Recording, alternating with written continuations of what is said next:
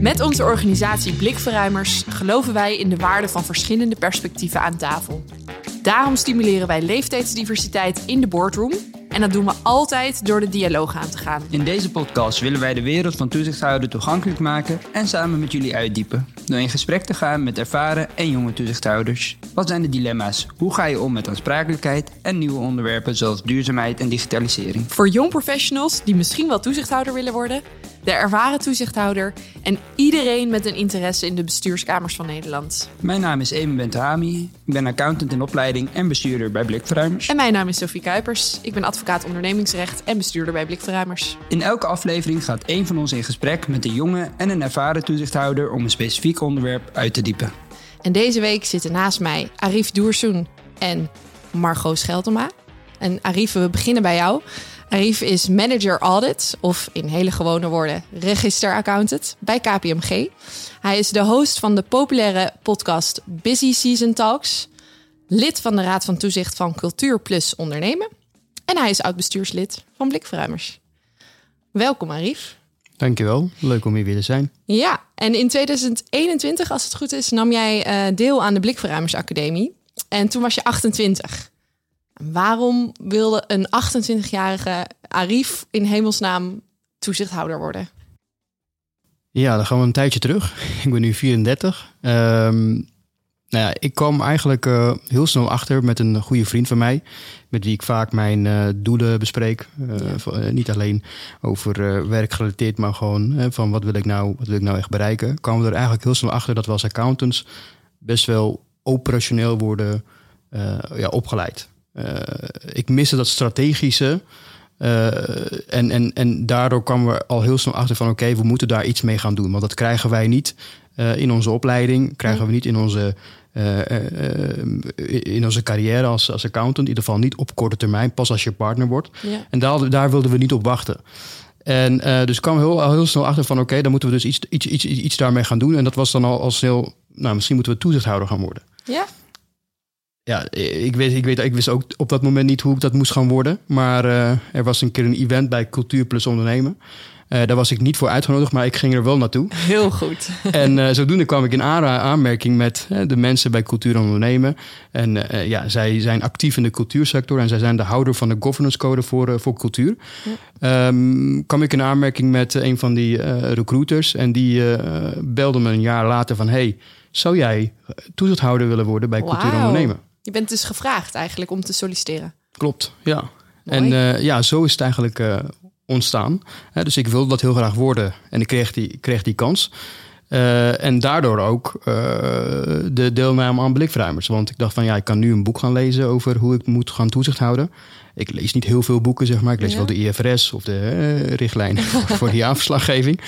Maar uh, al snel kwam ik erachter dat ik dus een, een, een, een, een opleiding wilde gaan volgen. Ja. En uh, nou, dat uh, kon op meerdere plekken. Zeker. Maar het, nou, mijn voorkeur ging uit naar blikverruimers, omdat ik dan met jongeren samen in de leven, dezelfde levensfase over dit onderwerp ja, in dezelfde klas ging zitten. Wauw. Mooi, dankjewel voor je toelichting. En het, ik zei het net al kort, het concept is dat wij aan gaan schuiven bij uh, een ervaren toezichthouder. En die zit tegenover jou. En dat is Margot Scheltema. Margot, ik ga je kort introduceren voor de luisteraar. Voor wie nog niet weet wat jij allemaal uh, hebt, onder andere hebt gedaan. Het is niet uh, volledig lijstje, denk ik. Maar voor wie haar nog niet kent, Margot Scheltema is een zwaargewicht in bestuurlijk Nederland. Ze heeft zo'n 22 jaar gewerkt bij Shell, waarvan de laatste jaren als CFO. En ook heb je een lange tijd bij de Nederlandse Bank gezeten als vicevoorzitter. En uh, inmiddels kan je jou een echte beroepscommissaris noemen. In het verleden uh, was jij commissaris uh, bij onder andere Triodos, het Rijksmuseum, de ASR, TNT en Schiphol. En nu ben je dat bij het NEDAP en het Nederlands Fotomuseum. Dat is een flink rijtje en ik heb lang nog niet alles genoemd. En een belangrijke die ook nog niet mag ontbreken is dat jij sinds 2016, sinds de oprichting, ook betrokken bent bij de Raad van Advies van Blikverruimers. Welkom. Uh, Dankjewel. Ja, Arif, als jij dit zo hoort, wat, wat is jouw eerste vraag aan Margot? Zo'n mooie, indrukwekkende lijst. Mijn eerste vraag zal zijn, uh, uh, ja, hoe, hoe doe je al die commissarissen naast elkaar? Kwestie van goed indelen en zorgen dat je er niet te veel tegelijk hebt, maar wel flexibiliteit voor het geval het overal tegelijk misgaat. En dat wil nog wel eens gebeuren. En die les heb ik wel de hard way moeten leren, helaas. Maar je, je kunt het dus wel degelijk doen. En het is ook een van de hele leuke dingen van het toezichtwerk. Is dat je in heel verschillende industrieën en ook in verschillende type organisaties zit. Van beursgenoteerd tot private equity, een familiebedrijf, not for profit. Je kunt het net zo breed maken als je zelf wilt eigenlijk. Maar je moet altijd zorgen dat er rek in de agenda en in je tijd zit. Want er kunnen dingen misgaan en die willen nog wel eens samenvallen. En uh, wij beginnen ook altijd de vraag bij iedere Blikverruimers Academie. Um, wat is goed toezicht voor jou? Heb je daar een antwoord op met zo'n uh, lang, lang rijtje aan ervaring? Ja, ik denk dat goed toezicht eigenlijk um, het, het best zich laat beschrijven door te zeggen dat je het bestuur helpt om goede besluiten te nemen. En als het toezicht goed werkt, merkt de organisatie daar niet van dat het um, uh, dat de toezichthouders een, um, een, een ergens moeten ingrijpen in een situatie. Maar een tweede vorm van goed toezicht is wel degelijk ingrijpen, gebeurt alleen veel minder. En dat, maar het kan gebeuren dat het nodig is om uh, bijvoorbeeld een bestuurder naar huis te sturen. Ja. En dat kan nodig zijn, ja. ja dat is echt maar veel minder, dat is natuurlijk veel minder uh, vaak voorkomend. Dus in de normale gang van zaken is het echt ondersteuning van het bestuur in zijn taak om het bedrijf te leiden. Herken je dat, uh, Arif? Wat zou jouw antwoord daarop zijn? Ja, daar ben ik uh, zeker mee eens. Uh, je bent er uiteindelijk dus voor, voor om dat bestuur verder, verder te helpen. En voor mij zal dan goed toezicht zijn. door, om, om dat te kunnen realiseren is het belangrijk dat we een, een goed team hebben, zeg maar, die het bestuur echt kan adviseren, maar ook de juiste vragen kan stellen. Dus dat zou mijn aanvulling zijn op wat Margot net zei. Ja, en een goed team betekent dat dus ook dat er onderling uh, het, iedereen het altijd eens is met elkaar? Of nee, juist je dat niet? niet? Ja. Nee, juist niet. nou, het is echt een, een, een goed team uh, waar, ik, wat, waar ik onder sta, is dat het een divers team is. Hè? Dus van diverse invalshoeken, waar de bestuurder uit kan, uit kan putten. Ja, herken je dat? Ja, uiteindelijk is het wel fijn als je het wel eens wordt. Maar het mooie van diversiteit, denk ik, is dat de weg er naartoe, naar die besluitvorming, waarschijnlijk langer duurt, maar dat de uitkomst daarmee ook duurzamer is. Oh, dat heb je mooi omdat gezegd. je meer discussie zult hebben, omdat de standpunten uiteenlopen. Of gewoon de ervaringen rond de tafel anders zijn en mensen dus echt verschillende perspectieven bieden. Dus het duurt langer om elkaar te vinden als je een hele homogene groep hebt dan heb je soms aan een half woord genoeg. Maar de vraag is of je dan het beste besluit neemt. Ja, nou, dat sluit natuurlijk helemaal aan bij ook de, de missie en visie, visie van, van Blikvramers. Ja. Omdat wij echt pleiten ja. voor wat je eigenlijk ja. jij, jij, zegt, meerdere perspectieven aan tafel om een duurzamere besluitvorming te creëren. En heb je het idee dat dat uh, voldoende aanwezig is op dit moment in Nederland? Of zeg je nou, er is nog wel een verbetering mogelijk? Ja, er is zeker verbetering mogelijk. Okay. Ja. Ja, we zijn nu een beetje op weg. Nou, goed op weg, denk ja. ik, om iets aan genderdiversiteit te doen. Maar dat is nog maar één klein aspect. Ja, en, heel klein. Uh, er is nog veel meer mogelijk. En leeftijdsspreiding, daar komen we zo meteen vast nog over ja. te spreken. Want dat is op dit moment nog helemaal niet zo aan de orde. Nee. Ja. Dus... Je ziet het wel op zich in bepaalde sectoren dat ze daar al echt mee bezig zijn, hè? met die leeftijd bijvoorbeeld waar dan Blikruimers ook onder uh, voor, voor, voor, staat. Uh, dat zie je voornamelijk in de culturele sector. Uh, nou, bij de beurs van het onderneming hadden we al in het voorgesprek al over van dat dat niet, niet het geval is. Maar aan de andere kant, ja, het, het, het, vraagt ook heel veel tijd van je. Ja. Dus hebben, we die, hebben wij die tijd, zeg maar, als jongeren om überhaupt in zo'n raad deel te nemen. Ja, ja, daar gaan we het zo uitgebreid, uitgebreider over hebben. Om nog heel even de luisteraar ook mee te nemen van een toezichthouder, commissaris. Hè? Het zijn twee, twee um, uh, woorden die je daarvoor kan gebruiken. Um, die taak van de commissaris. Jullie hebben het al een beetje toegelicht. Hè? Dat bestuur helpen eh, op de rit te blijven. Ehm, maar wat zijn de verschillende rollen die je daarbij kan aanhouden als toezichthouder? Ehm, de meest impactvolle rol is die van werkgever omdat de Raad van Commissaris of de Raad van Toezicht, de bestuurder of bestuurders, afhankelijk van hoe het eruit ziet, eh, benoemt en ontslaat en hun beloning vaststelt. Ja. En uh, dat, dat, dat zijn ook meteen de belangrijkste instrumenten in het gereedschapskistje van de RVC. Um, ehm, dus werkgever en daarnaast ben je toezichthouder. Je hebt een aantal formele rollen, begrotingen goedkeuren, de accountant moet worden, um, nou niet benoemd, maar wel geselecteerd en dan aan de aandeelhouders voorgesteld. Um, en zo zijn er uh, meer formele rollen die je moet doen. En dat is dus tweede, de echte toezichtsrol. En ten derde ben je de adviseur. Ja. De raadgever. Ja.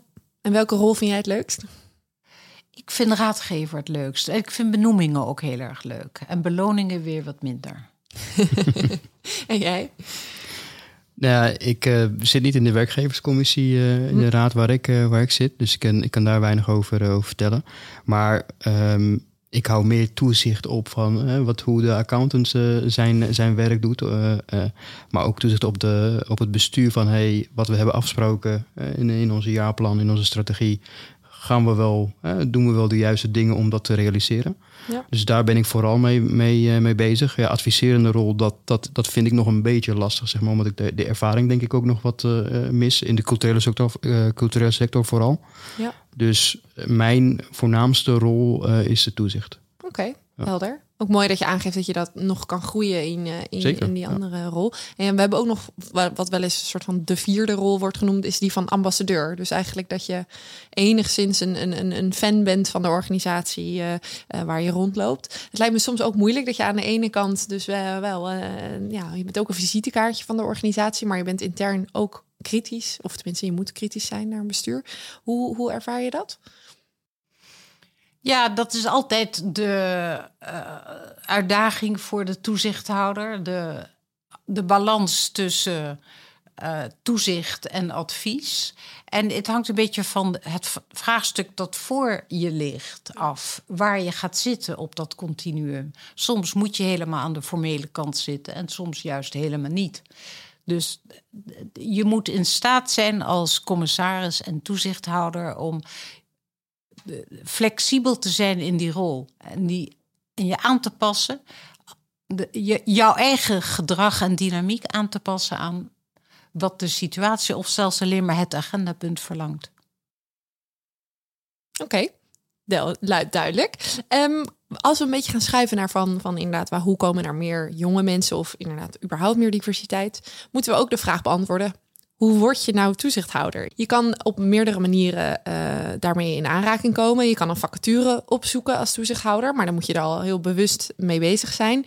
Er werd ook wel eens uh, van het vroegere wereldje geschetst daar, dat lang niet al die vacatures überhaupt publiek worden. Dus dat er heel veel onderling, nou, um, die vacatures gevuld ja. worden. Wat is jouw ervaring? Is, is dat in, het, in de loop der tijd veranderd? Ja. Is daar meer transparantie opgekomen?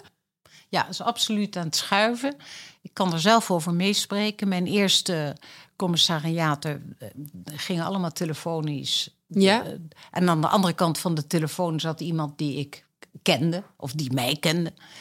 En um, op een gegeven moment zie je het echt verschuiven naar een derde, een, en meestal een headhunter, een searcher, die de opdracht heeft om iemand te vinden. En dan is het proces ook meteen veel professioneler en langer en objectiever. Dus dan worden er lange lijst, longlist gemaakt en dan shortlist. Dan heb je interviewrondes. Dus dat is wel degelijk aan het veranderen.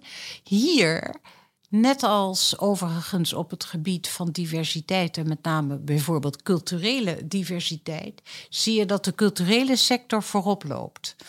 Die heeft zichzelf beloofd om um, alle vacatures publiek te maken. Ja. En dus, um, en dat gebeurt lang niet overal. Nee.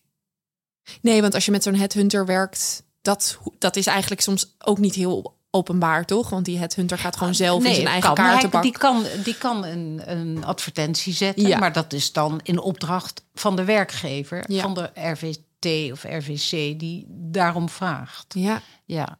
Jij bent ook gevraagd, eh Arif, voor, jou, Ja. eh, voor jouw functie. Zeker. Hoe kijk je daarnaar? Of, er stond wel een vacature eh, Ah, op de website. Dus Ja. het was wel gewoon gepubliceerd. Alleen ja, ik zag hem, ik zag hem dan niet.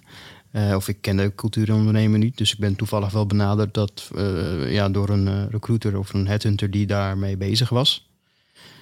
Ehm, ja, maar Ja. er was wel een vacature op, de, op de website. en hoe heb, je, je, hoe hoe heb je je voorbereid? Hoe heb je, ben je Ja. echt goed die organisatie ingedoken? Want misschien was Ja. de jaarrekening helemaal nog niet zo... Ja. Nee, ik ben accountant. Dus eh, als eerste wat ik eh, doe is eh, kijken of er een, überhaupt een jaarrekening is. En of die jaarrekening verklaringen heeft. En of die goedkeurend is, ja of nee. En wat voor accountant die goedkeurende verklaring heeft afgegeven. Dus ik heb ook gelijk tegen de organisatie gezegd van... hé, hey, lijkt me leuk. Ik, de jaarrekening is, is, staat online. En als het goed is zijn jullie nu bezig met de nieuwe jaarrekening. Dus die zou ik ook wel willen zien. Ik heb stukken opgevraagd, zoals een eh, management letter of een eh, accountantsverslag. Ehm, en dat werd allemaal wel gedeeld. En eh, ja, als accountant eh, is het wat, ja, denk ik, wat makkelijker zeg maar, om een organisatie te doorgronden zeg maar, door dus die financiële informatie. Eh, dat was voor mij al heel snel duidelijk van oké, dit is best wel een gezonde organisatie waar ik, ja, waar ik geen lijk uit de kast ja. ga, ga, ga krijgen. Dus eh, ja, dat soort informatie heb ik allemaal ge- ontvangen. Ik heb zelfs de notulen ontvangen van de afgelopen, afgelopen jaar. Ehm, dus het was wel een huiswerk. Eh, Ik ben er wel een weekend mee, eh, mee bezig geweest om het allemaal eh, te gaan lezen. Ik begreep het niet altijd allemaal, dus eh, nou, dat is dan ook prima. Ik kan die vragen ook gewoon stellen aan, eh, eh, tijdens de gesprekken die je dan hebt, eh, tijdens de interviewrondes. Dus ehm, ja, Heb je onderzoek gedaan naar je medebestuurders of raad van toezichtleden? Ja, zeker. Ik heb er eh, zeker naar gekeken van hey, eh, wie zijn het en eh, wat doen ze allemaal. Dus, maar verder, ja, ik zag geen, geen bijzonderheden van hey, hiermee zou ik niet in een raad willen zitten. Maar dat is op zich wel belangrijk, want Ja. ik zie raad van toezicht, althans in mijn rol, hè, want misschien gaat het bij beursgenoteerde bij gaat het natuurlijk wat anders. Daar kom je vaker bij elkaar. Zie ik als een, als een Nederlandse elftal. Oké. Je kan dus vijf keer, per- vijf keer in het jaar bij elkaar. Eh, Ja. En dan moet je gaan presteren, zeg maar. En dan heb je wel een goed team nodig om dat te kunnen doen. Dus eh, Ik vind het een hele mooie quote. ja, Margot, eh, Ja. wat denk jij als je zo hoort van... oh, dat is echt goed, goed onderzoek zoek gedaan? Zou je dat aanraden? Heb je daar ervaring mee? Zeker, ja. En ik zou ook zeker aanraden om iedereen te ontmoeten voordat je ja zegt. En dat is wederzijds. Hè. Zij moeten jou ontmoeten en jij moet de collega's ontmoeten. Ja. Want juist omdat je elkaar zo weinig ziet, is het belangrijk dat je heel snel een basis van vertrouwen kunt opzetten. Ehm, want je moet elkaar ook snel kunnen vinden in die tussenliggende periodes. Dus het moet klikken met elkaar Mhm. zonder dat het klef of Ja, ja, wordt homogeen. waar we het eerder Ja. over hadden. Maar je moet het met elkaar kunnen vinden en, ehm, en zin hebben om met elkaar te werken. Ja. En het andere wat je zei, ben ik het ook erg mee eens. Je moet ook geloven in de missie van de organisatie waar je ehm, in terecht zou komen. En mijn derde punt bij de preselectie zou zijn kijken of de cultuur van de organisatie past bij jou. ja, zeker. En Maar die In mijn- mensen, ja, dat staat bovenaan. Ja, zeker. In mijn rol eh, als bestuurder bij Blikruimers eh, een paar jaar terug was ik ook, eh, zat ik in de werving en selectie. Dus kreeg ik die vraag ook van hey, waar moet ik op solliciteren? Hoe moet ik solliciteren? En waar zijn die vacatures? Ja, En ik zei altijd van maak gewoon even een lijstje met eh, vijf eh, organisaties waar je denkt van hé, hey, dat zou ik echt heel gaaf vinden. Ja. En vaak was het de culturele instellingen. ja. Stuur gewoon een brief naar, naar ze. Ook al staat er niet een eh, vacature vrij, stuur gewoon een brief dat jij als jonge Ja. blikverruimer of jonge professional wilt gaan toezicht houden en daarvan wil, wil leren. En ook al loop je eerste jaar mee, stage, dus je doet niet echt mee, maar je, je mag gewoon de vergaderingen bijwonen. Geloof mij, jaar twee gaan ze je wel vragen om vaste lid te worden. Of voordat ze, eh, of als ze zo'n brief binnenkrijgen, dan denken ze ook van wow, deze is eh, intrinsiek gemotiveerd. Dus Ja. eh, laten we die uitnodigen voor een gesprek. Ja. Want we willen, ook- we, willen, we willen gaan verjongen. Want dat is gewoon wat nu in de, vooral dus in de culturele sector speelt. Dus maak daar gewoon gebruik van. Super. Ja, dat, dat, is, dat is ook iets wat wij ook zeker aanraden aan onze deelnemers. Uh, van schrijf gewoon een brief. En uh, eigenlijk wat jij nu zegt, creëer je eigen ruimte.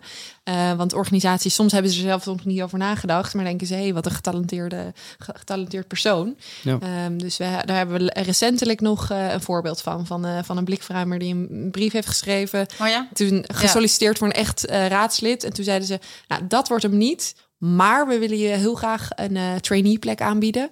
En dan de trainee plek is eigenlijk dat je inderdaad een jaar meeloopt met de raad. Ja. Er overal bij mag zijn. Ja. En dat is nu ge gelukt. Dus uh, pra prachtig voorbeeld daarvan. Twee dingen zou ik daarop willen aanvullen. Het eerste is in die brief zou ik ook mensen adviseren om iets te vinden in hun eigen persoonlijkheid of hun, en hun eigen ervaringen en competenties. Dat past bij wat het bedrijf of de organisatie nodig heeft. Zodat je niet alleen maar komt leren, maar dat je ook meteen iets brengt. Ja. En het kan zijn dat je bijvoorbeeld heel veel inzicht hebt in de werking van sociale media. En dat je ziet dat dat in die organisatie nog helemaal niet of onder te weinig gebruikt wordt. Ja. En het tweede is, um, maar dat zou ik eigenlijk aan de raden van toezicht en commissarissen willen zeggen. Ik snap wel dat ze zo iemand een trainee noemen. Maar je hebt er het meeste aan over en weer als je gewoon meteen meedoet vanaf dag één. En dus ook als RVT dat je iemand meteen opneemt en mee laat draaien. En niet stilletjes in een hoekje laat Mhm. zitten, maar gewoon meeneemt. En vooral de rol van de voorzitter is dan heel belangrijk. Dat die ook af en toe zegt: Arief, wat vind jij hier nou van? Dat je dus gewoon onderdeel van het geheel bent en niet een aparte status hebt. Helemaal mee eens, eh, Margot. Geen klapstoel, maar een eh, normale stoel. Ja, Dat is, eh, want wij, wij kunnen ook die verantwoordelijkheid nemen. ja. En ik heb ook die verantwoordelijkheid vanaf het begin gekregen. Ehm, ja. Misschien krijg je dan ook met gelijk het gevoel van... ja, ik heb die verantwoordelijkheid, dus ja, ik ga er nu ook meteen meer van aan Ja. eigenlijk. Ja, Ja. zeker. Ja, en toch zien wij vanuit, eh vanuit Blikverruimers inderdaad bieden we die twee opties aan. En organisaties vinden het toch nog een beetje spannend soms om eigenlijk gelijk die echte stoel aan de tafel eh, eh, vrij te maken. Of er, of, ze, of ligt misschien een gevoel van, oh, maar dan moet er iemand anders weg of zo. Dus ehm, een beetje toch misschien vanuit huiverigheid dat ze toch dan maar voor die trainee gaan. En daar zijn we natuurlijk al heel erg blij mee. En het is een ontzettend mooie ervaring eh, voor, voor beide kanten. Maar hoe kijken jullie daar dan aan? Waar, waar, zou dat dan aan liggen? Denk je dat, dat, dat organisaties het toch nog een beetje spannend vinden? Zo'n jonge toezichthouder. Nou ja, dat is ook het, de vraag die, die ik eerder stelde. Wat kom je brengen? En dat moet je wel op een gegeven moment duidelijk kunnen maken. Het is niet. Het is geen leers, het is ook een leerschool natuurlijk. Maar dat is niet voldoende. Je moet ook iets komen brengen als toezichthouder. Je wilt er is een, als, als de Raad van Toezicht zegt wij willen verjongen, dan moet dat op de een of andere manier tot uiting komen in andere ideeën en perspectieven. Eh, dus eh, daar moet je ze van kunnen overtuigen dat dat iets is wat zij nodig hebben en dat dat dus iets is wat jij kunt brengen. En verder is het ook een beetje afhankelijk van de maat. Als je, nou, ik kan een voorbeeld nemen. Ehm, ik werd commissaris bij ASR. Dat was mijn eerste grote. Nee, ik was al commissaris ergens anders. Maar goed, maakt niet uit. Bij ASR, een verzekeraar, die was net door de Nederlandse staat overgenomen. En er waren maar vier commissarissen. Ehm, en er lag meteen al de opdracht om op termijn, en niemand wist nog hoe lang, weer zelfstandig te worden. En naar de beurs te gaan. Ehm, maar er was, het was besloten dat er maar vier commissarissen zouden zijn. In zo'n situatie, waarin eigenlijk de hele organisatie ontvlochten moet worden van het Fortis-concern waarin het eerst zat, en zijn eigen positie moet herwinnen, ehm, heb je ervaring nodig rond de tafel. Daar kun je echt eh, kort en lang over zijn. Nou, daar kun je dus niet lang over zijn. Daar kun je kort over zijn, want dan heb je ervaring nodig. En op dat moment zou er, denk ik, geen behoefte geweest zijn aan een jonge, of althans een niet ervaren toezichthouder. En we hadden alle vier, waren heel verschillend, die vier commissarissen, maar het was ook wel minimaal. We hadden er eigenlijk wel vijf nodig en inmiddels zijn het er ook vijf. Want zo'n raad van commissarissen wordt altijd op een hele complementaire manier samengesteld. Um, er is altijd wel, er is een competentiematrix waarin je kijkt wat heeft de organisatie nodig voor de komende vijf jaar, welke competenties, welke vaardigheden, welke type mensen, wat voor achtergronden? En als één iemand daar al een paar van heeft, dan ga je daar omheen weer andere mensen zoeken die andere dingen kunnen. Dus je moet kijken naar wat, het, wat de, de lacune is die je kunt vullen als minder ervaren toezichthouder. Ja. Ja, en vandaag de dag uh, hebben we dan een, een, een mooi stokpaardje, zou ik het maar even zeggen. Dat er gewoon een, een, eigenlijk een transformatie bezig is in het bedrijfsleven, in corporate governance. Dat organisaties zich niet alleen nog maar op de financiële waarden ja. moeten focussen, maar ook ja. op niet-financiële waarden. En dat daar uh, die competentiematrix mee ook verandert nieuwe onderwerpen zoals duurzaamheid en digitalisering. Daar vraagt de code nu ervaring en expertise op in de samenstelling van de raad. Hoe kijken jullie daar naar? Is daar al voldoende van? Um, nou, het fijne is van, van dat onderwerp is dat er dus nu veel jongeren zijn die uh, heel erg uh, begaan zijn met dat onderwerp. Ja. Dus uh, nou, wat Margot net zei van hè, wat kom je brengen? Nou, dat is iets wat je zou ja. kunnen brengen in ja. zo'n in zo'n in zo'n raad. Dus en, en van toegevoegde waarde kan, uh, van ja. kan zijn. Ja. Dus een mooie ontwikkeling. Ja. ja, en dat geldt al helemaal als je naar AI kijkt. Ja, ja. ja, zeker. Want daar ontbreekt volgens mij. Uh, ja. Nou, daar gaan we ook een af, hele aflevering aan wijden in deze podcastserie ja. over cybersecurity en het ja. gebrek aan, aan expertise daarop. Uh, dat dat uh, wel heel nodig is.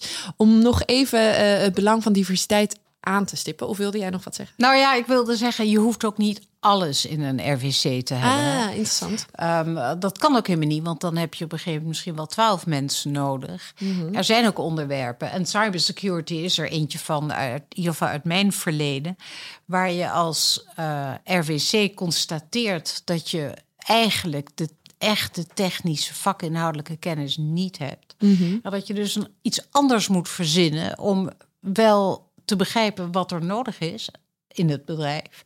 En wat je als commissaris moet weten om op zijn minst de goede vragen te kunnen stellen. Dus dan denk je aan bijscholing, permanente educatie, een, een keer een deep dive in een onderwerp of een expert erbij halen die komt vertellen. Er zijn dus ook wel andere manieren voor sommige onderwerpen om. Um, ja, dat er ook een expert bijvoorbeeld komt bij de vergadering. Die deskundigheid binnen de RVC te halen. Hm. Heb jij daar ervaring mee? Ja, wat belangrijk is dat je wel uh, dat uh, wat, wat er dus ontbreekt, wel kan identificeren van hé, hey, uh, oké, dit speelt er nu, hè, met betrekking tot bijvoorbeeld duurzaamheid. Als dat bij jouw organisatie speelt en niemand heeft die ervaring, maar dat we wel weten van oké, dit is wel een belangrijk onderwerp voor ons. Uh, en dat we dan daar de juiste mensen voor, uh, voor kunnen, kunnen inschakelen. Ja. Of uh, ja, een, inderdaad een, een lid erbij. Maar ja, op een gegeven moment dan heb je dan natuurlijk 12 tot 15 leden. Dat is ook niet, niet de bedoeling. Um, maar dat je wel de mogelijkheid hebt om, om het te identificeren. Hè, bijvoorbeeld met cybersecurity. Ik denk dat dat ja, de wat, ja, hoe zeg ik dat netjes? De wat oudere toezichthouders daar niet ja, nee, niet per se mee klopt. bezig zijn. Ja. Maar wel uh, de kennis moeten hebben om dat te kunnen, de voelspriet te moeten hebben van oké, okay, mm. Cybersecurity, Schiphol, uh, zei je net. Nou, ik denk dat dat een, een hot topic uh, is bij Schiphol en bij de commissarisvergaderingen. En dat je daar wel de juiste expertise inschakelt of misschien ook in huis hebt. Ja, en op een gegeven moment als iets echt heel belangrijk wordt, dan moet je erover nadenken als RVC of je het niet toch wilt hebben ja. aan tafel. Ja. En um, een voorbeeld daarvan is mijn eigen opvolger bij de Nederlandse Bank. Ik zelf heb een financieel um, uh, en een corporate governance achtergrond. Um, en mijn opvolger heeft een echte digitale signatuur. Hm. Mooi. Dat is toch anders. Ja. En dat was nodig en nog niet vertegenwoordigd. En waarom was dat nodig bij de DNB? Omdat hij een heel groot digitale ambitie heeft. Voor okay. zowel de sector als voor de eigen, eh, het eigen toezichthouderswerk. Oké. Ja. Het klinkt ook alsof eh, deze nieuwe thematiek in de boardroom, ehm, de nieuwe samenstelling, meer diverse samenstelling, ook eh, een kwestie is van voldoende kwetsbaarheid in de bestuurskamer. En dat is ook een woord wat steeds vaker wordt genoemd. Eh, vorige week waren nog in, bij dit jaarboek Corporate Governance uitreiking, was ook een woord wat empathie had- werd er ook veel genoemd. En ik vraag me eigenlijk af, is er voldoende ruimte bij zowel ervaren als jonge toezichthouders voor die kwetsbaarheid. Dus dat, dat de, de nou ja, oudere of meer ervaren toezichthouder ook echt durft te zeggen van hé, hey, op dit onderwerp. Daar, daar, kennen, daar, daar is onvoldoende kennis op.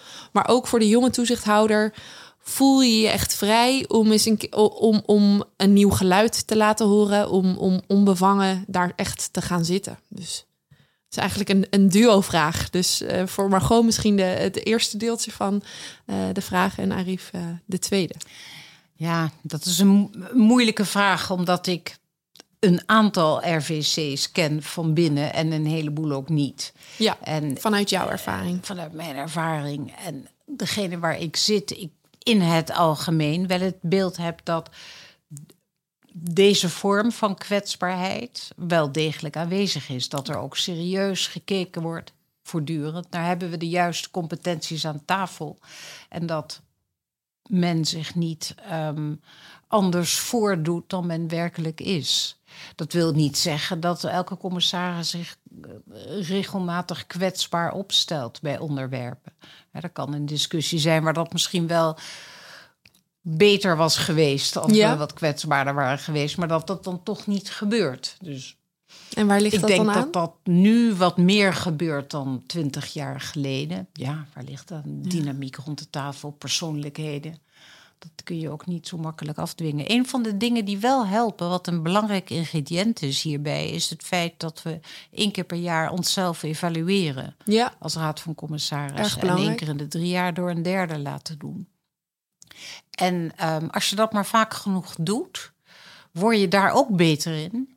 En word je ook beter in het verwerken van de uitkomsten ervan. En zeker als er een derde bij is, die het rondje doet en die ook mensen interviewt over het gedrag en hun mening over hun collega's, ehm, kan dat een heel leerzaam proces zijn. En daar komt die kwetsbaarheid wel degelijk in terug. ja, dat kan ik me voorstellen. En ja, ik ben benieuwd naar het antwoord van Arif. Want ik denk dat het succes van een niet zo ervaren commissaris toch heel erg afhangt van de mate van inclusiviteit van de rest van de organisatie. Dus ten eerste de collega's, maar ook de organisatie zelf. Ja, Staan die er open voor? Maken ze tijd voor je? Is er een voorzitter die je ook werkelijk het woord geeft? En is men nieuwsgierig naar je standpunt? Dat soort gedrag helpt enorm ja. om ehm, je plek te vinden.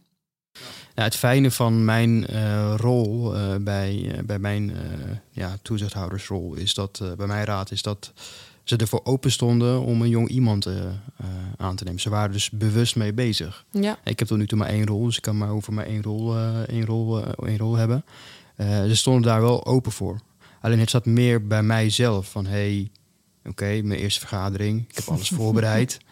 En eh, ja, ik weet wat ik breng, hè, dus eh, dat, is, dat is belangrijk om te weten. Van, hè. Dus ik ben bijvoorbeeld gespecialiseerd in, in finance, dus ik kan, daar, ik kan ze daar alles over vertellen, maar ook heel veel dingen niet.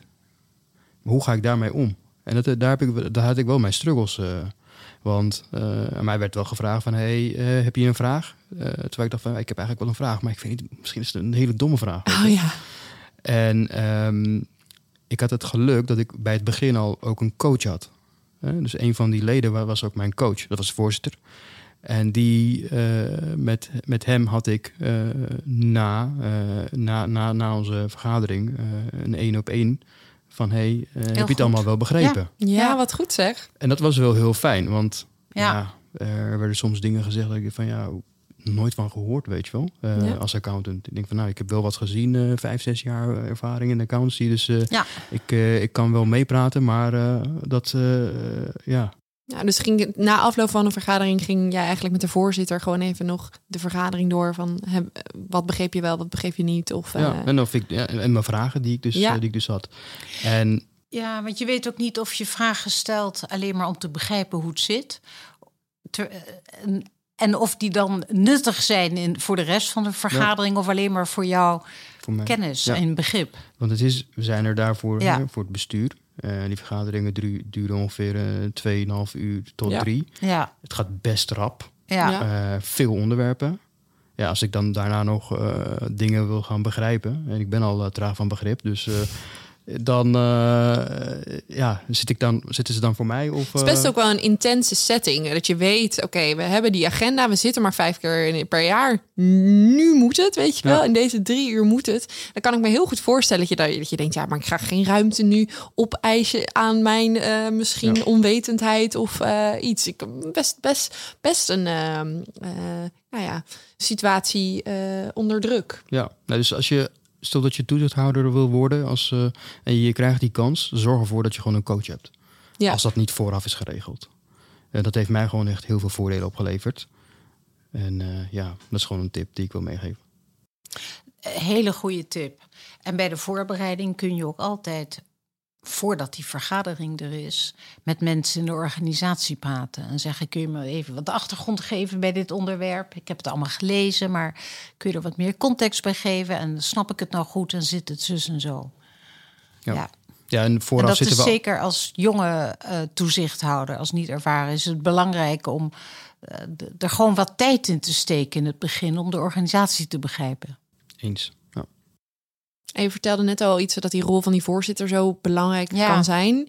Eh, heb je zelf ervaring dat jij ook die, in die voorzittersrol zat? Of dat je het wel eens hebt gezien dat je dacht, oh, die, diegene doet dat echt heel goed.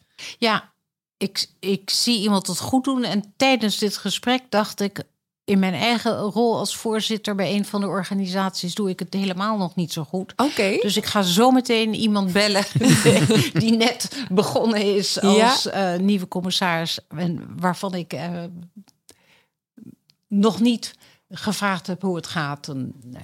Ja. Dus, Oh, nou, mooi ik dat je dit zelf gesprek ook, ik kan er eh, zelf ook van ja. leren. Maar ik zie, ik zie voorzitters die het heel goed doen. Ja, en waar Ja. zit dat dan in? Kan je... Ja, het is wat ik eerder al beschreef. Dus die inclusiviteit. Hm. Ook eh, zorg dragen voor een heel goed inwerkprogramma. Ja. Heel breed inwerkprogramma. Een coach vind ik een heel belangrijk idee. Ehm, en gewoon de, de- erop toezien dat de nieuwe toezichthouder echt de tijd neemt om te snappen waar het over gaat. Op een gegeven moment gaat het allemaal sneller, lees je sneller, begrijp je sneller en zit je, ben je onderdeel van de discussie. Maar in het begin moet je toch even uitvinden waar de, de knoppen zitten, waar jij aan kunt draaien. Waar ik wel benieuwd naar ben, eh, Margot, misschien kan je daar wat over vertellen. Over de tijdsbesteding. Die, eh, hè, kijk, ik ben nu toezichthouder bij Cultuur en Ondernemen. Ja. Dat is een stichting. Heeft 100 miljoen op de balans, dus is op zich best wel klein. Het gaat goed. Nou, als stel dat het niet goed gaat, dan eh, heb je een andere tijdbesteding. Ja, maar als het goed gaat, ben je dan. ja, totaal vijf keer per jaar daar. Ja. En lees ik af en toe dus, dus de stukken die ik dan ontvang. En hou ik bij van wat er allemaal gebeurt. Dus ja, hoeveel uur ben ik kwijt? 100 uur of zo in een jaar? Dat kun je er zo makkelijk bij doen naast je fulltime baan en je gezinsleven en et cetera, et cetera. Maar bijvoorbeeld bij zo'n Schiphol of eh, DNB, ik ben benieuwd naar de tijdsbesteding. Hoe- Of het Rijksmuseum. het Vind ik ook leuk om te horen. Ja, dat is alweer een, een, een tijdje terug. Ehm, bij een grote organisatie is er veel meer leeswerk, zeker waar. En er zijn ook veel meer ehm, eh, momenten tussendoor dat je iets doet. Dat je eh, bij DNB bijvoorbeeld wordt gevraagd om in gesprek te gaan met een aantal mensen over een onderwerp. Ehm, in mijn geval heb ik een keer een discussie gehad over open normen. Ehm, er zijn andere mensen die uit de raad van commissarissen die in gesprek gaan met een panel intern over eh, de rol van de toezichthouder en de, eh, de WFT, de wet ehm, financieel toezicht. Ehm, dus, dus er zijn andere gelegenheden waar je bij betrokken wordt. Als je in de culturele sector zit, in ieder geval de Bachvereniging, dan wil ik regelmatig naar concerten gaan. Het is ook weer een avond hier en een avond daar. Ja, dus het is meer dan alleen maar die zes vergaderingen. Ja. ja. En het is eh, gemiddeld twee à drie keer meer dan wat er in de profielschets van de ehm headhunter staat. Dat is mijn ervaring. En als je... Wordt ik, weet altijd niet of, onderschat. Oké. ik weet niet of jullie ook eh commissariaat hebben gehad waar gewoon best wel veel tijd eh eh, werd vereist, omdat het niet zo, niet zo lekker liep. Eh, kun je daar wat meer over, over vertellen, over de tijdsbesteding? Ja, heb ik ook gehad en nog steeds. Ehm, het kan heel intensief worden. En als je bijvoorbeeld een nieuwe CEO of bestuurder moet zoeken. En het is allemaal vrij plotseling gegaan. Dan kan je opeens ehm, weken, soms maanden mee bezig zijn. Ja. Ja. Dat is wat ik in het begin ook zei. Dan moet je opeens die flexibiliteit kunnen hebben in je portefeuille. Ja. ja. Dan kun je niet zeggen Of- van ik kom, ik kom niet. eh, dat, dat, eh, Nee. Nee, je hebt natuurlijk wel, je kunt wel taken verdelen onderling. Je hoeft, Ja, je hoeft niet ja. als niet iedere commissaris hoeft, hoeft overal bij te zijn. Maar het kan heel intensief worden, ook als er andere dingen gebeuren. Corona Ja, corona, was ja. voor iedereen en dat gold ook meteen voor iedereen. Dus dan is het bij al je commissariaten heel intensief. Ja, ook daar gaan we een hele aflevering over aanwijden. De, de, de toezicht Ja. in crisistijden. Ja, dat is een heel mooi dus eh, onderwerp. dat, jullie hebben al een paar mooie eh, toekomstige afleveringen mooi geïntroduceerd. Ik denk dat we een beetje gaan afsluiten. Ehm, maar goh, als jij eh, Ar- Arif een, een tip eh, mag geven voor zijn komende toezichthouderscarrière, carrière, wat, wat zou je, een, of nou niet alleen Arif, maar eh, jongere toezichthouders willen meegeven? Ehm, verdiep je heel grondig in de organisatie en neem daar echt de tijd voor, want dat is de manier waarop je ehm, eh, respect afdwingt van de organisatie. Wat mensen heel graag willen zien is echt oprechte nieuwsgierigheid bij hun toezichthouder in het werk dat ze doen. Mooi. En Arif, als ik jou eh, mag vragen, jij bent nu eh, je tweede termijn, ga je in eh, van, van je commissariaat. Staat er nog iets op jouw bucketlist? Nou, in ieder geval mijn tweede termijn afmaken. en dan ga ik, eh, ga ik wel verder kijken. Het is wel lastig hoor, want ik eh, vind eh, heel veel dingen leuk. Ja, En ik heb ook de kans gekregen om ergens anders toezichthouder te worden. Maar het is ook gewoon de balans, werk, privé, gezin. Het, ja, het, het kan er niet zomaar bij. Ja. als, er zo, als, als, als het erbij kan, dan, moet, dan moeten een paar dingen vanaf. ja. En ja, ik ben nu gewoon vooral veel tijd kwijt met, met de kleintjes. Dus dat vind ik gewoon belangrijk. ja. Als ze wat groter zijn, wat, wat, wat zou er dan op ja, ik zou wel ooit. Ik heb ooit gezegd, eh, toen ik bij Blikvruimers gestart werd, was de eerste dag, zeg maar, kreeg je dan eh enquête die je dan eh, moest gaan invullen van waar zou je. Ja, En dat is, ik zit in de financiële sector binnen, binnen KMG, dus ik zou wel bijvoorbeeld een ING of een ABN AMRO daar de toezicht van, van willen doen. ja. Nou, mooi. Je moet ze altijd uitspreken, volgens mij, je dromen, heb ik, heb ik geleerd. Kan, alleen dan kunnen ze waar, eh, waar Kan de komen. kosmos ze horen. Ja, oh ja, manifesteren. Ik, eh, we gaan afsluiten met deze aflevering. De introductieaflevering in het toezichthouderslandschap. Ja. Eh, jong, oud, ervaren. Is, het is allemaal voorbij gekomen. Ik wil jullie heel veel danken. En eh, vergeet niet deze podcast bij de volgende aflevering er weer bij te zijn. Dankjewel Arif en Margot. Dankjewel, Sophie. Dankjewel.